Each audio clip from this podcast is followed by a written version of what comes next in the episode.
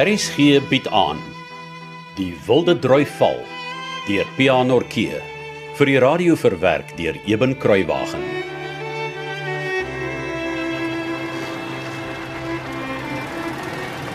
Hans, sien jy daardie hoë rotspunt net voor die draai?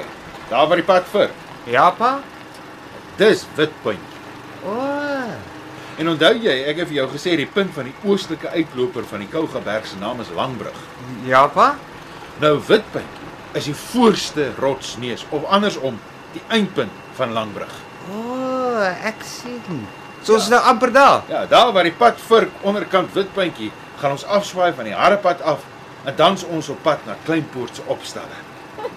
En lyk my jy was vir 'n keer reg, Frans. Wat bedoel jy? Ons gaan so waar voormiddagete by Martha hulle wees.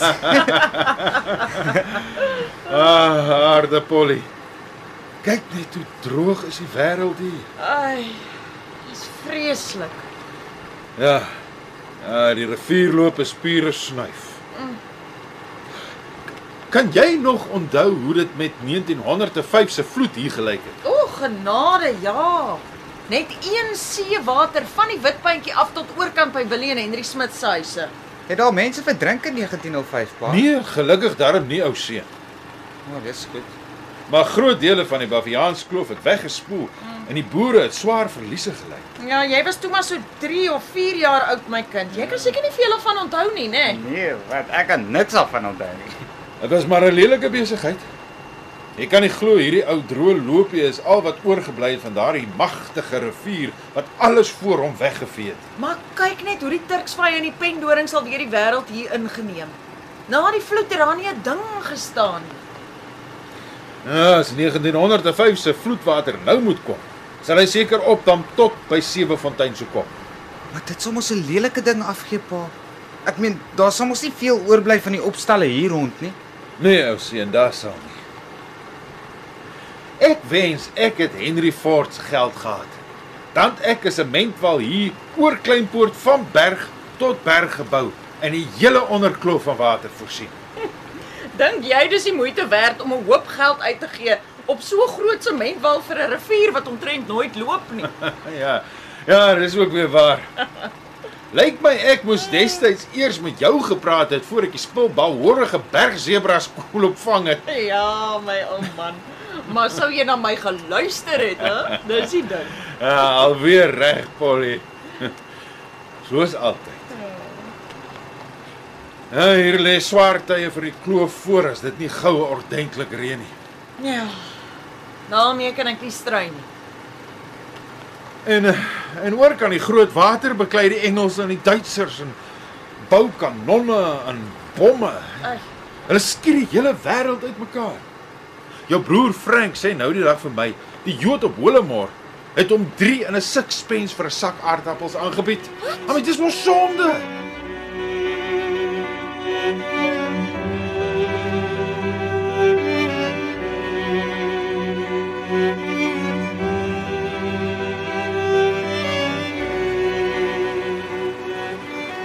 Om Franklin se opstal is baie groter as ons in dit, pa.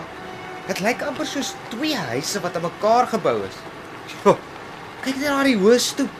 Dis so lank as die hele huis. Ja, die deel met die plat dak is tannie Martha hulle se huis en die deel tussen die Hollandse gewels is waar oom Bani Tilburg met sy twee susters Ruth en Aviva woon. En oom Barney het ook 'n winkel waar hy allerlei goed verkoop. Ah, dis lekker. So ek hoef nie te wag vir iemand dorp toe gaan nie. Ek stap sommer. Ja, nee, dis sommer baie gerieflik. Jo. Wat 'n verskriklike groot bome is dit wat hier op die werf groei, pa. Ek dink ek het 5 getel. Ja. Hulle is so groot. Hulle laat eintlik die huis klein lyk. 'n Wille dryf ou seun. Hulle dryf. Hulle lyk nie soos drywestokke nie. Nee, want dis nie druiwe wat hulle dra nie. O. Oh. Ja, is 'n soort tropiese boom verstaan ek wat volop in Midde-Afrika groei, né, nee, Polly? Is reg, ja. Die regte naam is eintlik Belhambra, maar hier in die kloof praat ons sommer van wilde druif of, of varkdruiweboom. Maar hoekom dryf as hulle nie drywe dra Die nie? boom dra trossies vrugte wat baie lyk na druiwetrosse. Nee. Is baie goeie kos vir die vee, veral nou in die droogte tyd. Ek sien. Nou toe, kom ons klim uit. O, oh, kyk, daar kom Eide aangestap. Uh, Polly, onthou jy moet hier aan my kant uitklim oor die fiets wat daar by jou aan die trap vasgemaak is. Ai, ek het amper vergeet. Dankie Frans. Ai, So ja. As. Môre tannie Polly, môre oom Frans. O, oh, môre liewe Aida. O. Oh. Ai, julle sit seker al die hele oggend te wag dat ons moet kom. Ek moet sê my ma het al van voor 10 af op die stoep gesit en haar mors dood bekommer oor tannie hulle. Ai, foei tog Aida, ek is so jammer, maar sien jy hoe lyk ons? Ja tannie. Dis oor ons vasgeval het by die raaskraans. Ja, die voorman van die padwerkers wat wat ons uiteindelik gehelp het, sê oom Richard is glo besig om aan die sement sloot daar bo kan die poort te werk. Ag, ja nou ja, genoeg gesê. Dag my kind. Mag jy raak ook by die dagvrye. Hans. Dankie oom. Hou jou pa die vryer is darm nog op 'n veilige afstand. Frans. Dit lyk my so oom. Ag, jy moet asseblief jou oom Frans vergewe. Ek dink die lang rit in die son en die gesukkel met sy ou kar het sy kop aangetas. Maar is dit nie Hans wat daar agter die kar wegkruip nie? Kom nader jong en kom groet jou niggie. Ja, goed. Môre Aida. Ah nee, ah, wat 'n handgee is dit met jou. Welkom hier by ons. Ja, maar jy's groot hè? Ja, ek moet dan al opkyk na hom as ek hom die leviete wil voorlees. Genade my, hy het 'n uitslike man geword van ek hom laas gesien het. nou sal ek en Flossie seker rus kry vir ons siele.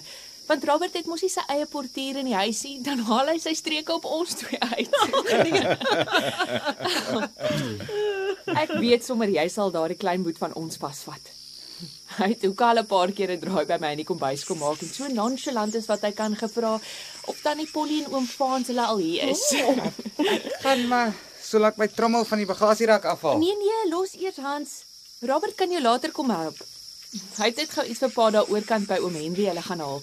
Kom ons stap so lank op na die huis toe. Maak kan nie wag om weer 'n slag tee te drink saam met tannie Polly nie. Ag, fooi tog. Sy hou die ketel al van 10 uur af aan die kook. Ja, die glo ek jou goed. Kompleet soos die Bybel se Martha van ouds. Al toe is aan die werk in die bedien. ja, oom. En uh, hoe gaan dit met Frank en Flossie en die ander familie van die onderkloof? Nee wat? Dit gaan baie goed met almal, dankie oom. Pa word nou stadig aan oud. In Maart is hy mos 64. Maar hy's darm nog nie mankoliek nie. O, maar dis goed om te hoor. Stap dan die Polly maar voor. Als is nog presies soos dit al die jare was. Kom Hans. Jy moet jy nie skaam wees nie, jong. Dis nou jou huis ook.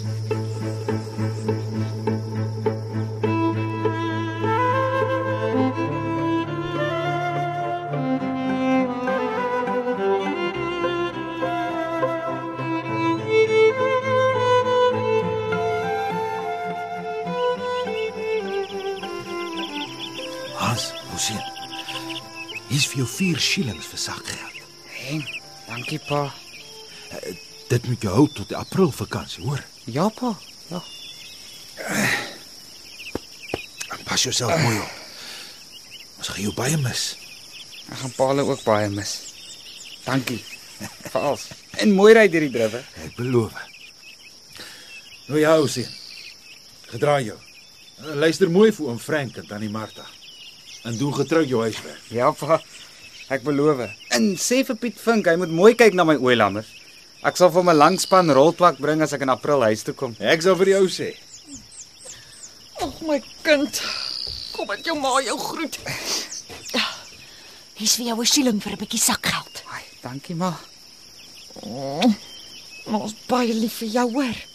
Moenie vergeet nie. En pas jouself mooi op. Sê vir ma ook.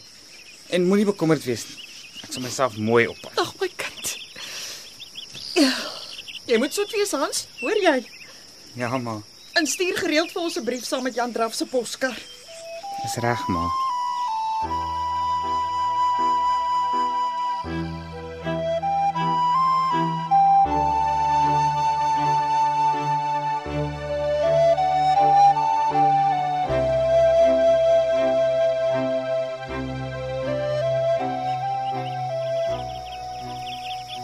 En toe? Wat dink jy so ver van Kleinpoort en almal hier? Nee, is baie mooi. En ek dink ek gaan baie van Aida hou. Sy lyk nie vir my of sy vol nonsies is nie en Sy praat lekker pront Afrikaans. So soos almal. Maar jy's nie verkeerd nie. Dis nogal hoe sy is. My een suster Gertie is 17. Hoe oud is Eide? Sy's nou 19 dink ek. Ja, 19. Hoekom vra jy? Ag, sommer omdat sy vir my so oud soos Gertie gelyk het. Maar sy's eintlik so oud soos Polla, my oudste suster. Sy's ook 19. O. Hoeveel kinders is julle dan? 7. Vier seuns en 3 dogters en ek's presies in die middel. Nou, ons is net 3. Ah, Ek het gehoor. My ma sê vir my pa, jy was bekommerd dat jy baie Engels hier by ons sal moet praat. nee wat? Die- Dit was seker net my ma wat weer spooke opgejaag het. Sy kan nou oor die kleinste dingetjie bekommer. Ja, lyk my alle ma's is maar so. Ja, lyk my so. Maar jy het nie nodig om ooit bekommerd te wees oor Engels in ons huis nie. Jy het seker al gehoor. Ons almal praat eintlik maar net Afrikaans. Dis net my pa wat af en toe Engels praat. Ek het gehoor ja. Maar jou pa kan Afrikaans praat. Hy klink soos enigiemand wat Afrikaans is, soos my pa en ma. Ek weet. ek was al op skool toe ek vir my ma gevra het hoekom my pa partykeer Engels praat. Toe het ek eers uitgevind hy's eintlik Engels. Ah, dis snaaks. ja. So. Robert, Wat?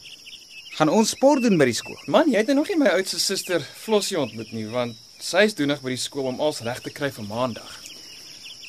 Hoekom sê jy dit asof jy vir my slegte nuus het? Jy gaan nie veel met juffrou Florence Campbell te doen kry by die skool nie, want sy gee skool vir die kleintjies, van sub A tot standaard 1. Maar sy gee sang en teken vir die groot klasse. Wat het dit met sport te doen? Ek het nog nie klaar gepraat nie. Flossie gee sang en teken vir die groot klasse. En korfbal. Vir die meisies natuurlik. Nee broer, vir ons almal.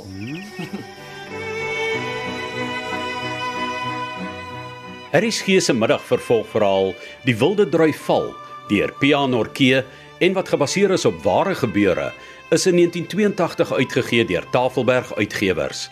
Die verhaal word in Kaapstad opgevoer onder regie van Johnny Combrink en Cassie Louws, baartig die tegniese en akoestiese versorging.